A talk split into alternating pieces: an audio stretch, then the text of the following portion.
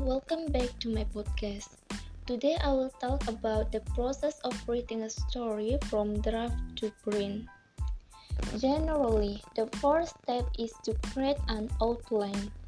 This helps organize the content of an article before it's written. A journalist's outline could look like this. Notice the ideas are not written as full sentence yet. An outline only focuses on where the sentence will go in the article. The next press in the journalist process is drafting. Now that the journalists know the order of the ideas, they can write their first draft. A draft is the first try of writing the article in sentence and paragraph.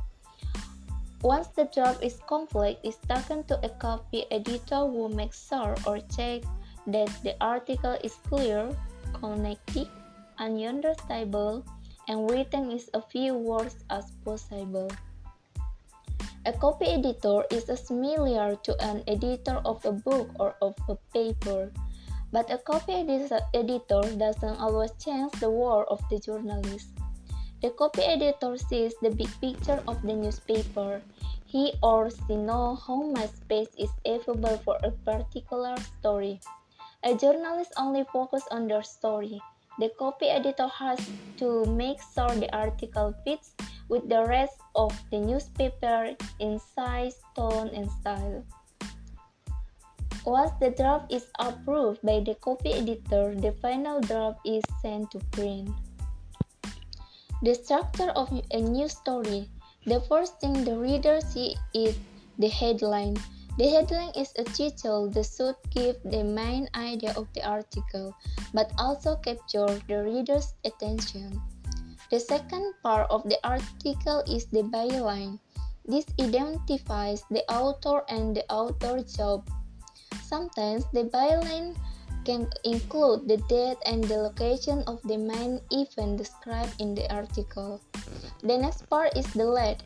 The lead is the first paragraph on an article, and it often tries to give the most important facts and information who, what, where, when, why, and how.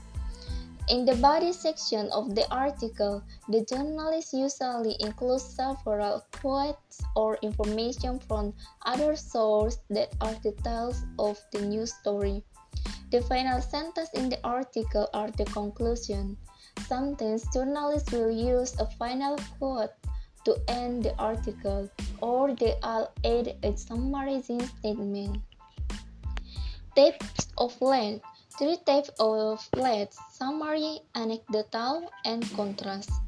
Summary leads as it the most common news lead in news writing, similar to the content of the news story.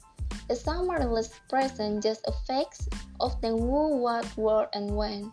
Breaking news or news that happening right now. Often use a summary lead because it's important to get the information to the public in the quickest way possible by putting the facts in the beginning.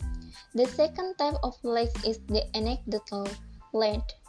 An anecdote is a personal story Therefore, an anecdote less grabs the attention of the reader or makes the reader interested in reading more by introduction a personal story of, of someone involved in an event. This type of lead is often used in human interest stories, but not as often in a news story.